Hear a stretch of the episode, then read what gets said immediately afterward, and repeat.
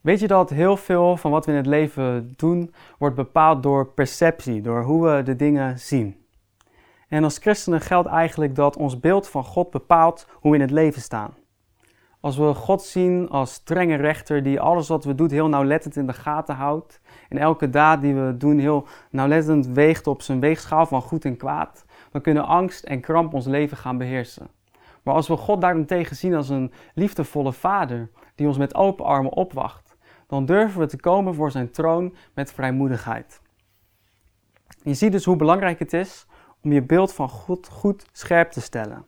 En in Hebreeën 1 vers 3 staat eigenlijk het geheim. Daar staat in hem, in Jezus, schittert Gods luister. Hij is zijn evenbeeld. Eigenlijk staat daar als je iets wil leren over wie God is, richt je dan op de persoon van Jezus. En Jezus zelf zei het ook. Als je mij hebt gezien, dan heb je de Vader gezien. Als je ziet dat Jezus de overspelige vrouw bij de bron niet veroordeelt, maar vergeeft en omarmt, dan zie je daarin het hart van de Vader.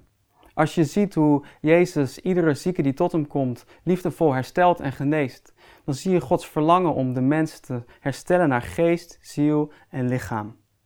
En als je ziet hoe Jezus scherp is richting de huigelaar, maar liefdevol richting de zondaar, dan zien we daarin het kloppende vaderhart van God. Als Johannes in zijn evangelie Jezus introduceert, dan zegt hij: De wet is gekomen door Mozes, maar goedheid en waarheid zijn gekomen met Jezus Christus.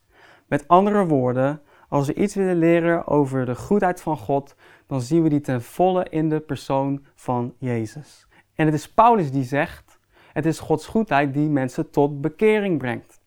Weet je, het is niet onze taak als christenen om de wereld met het wijzende vingertje te wijzen op zonde of om te overtuigen van zonde. Dat is de taak van de Heilige Geest.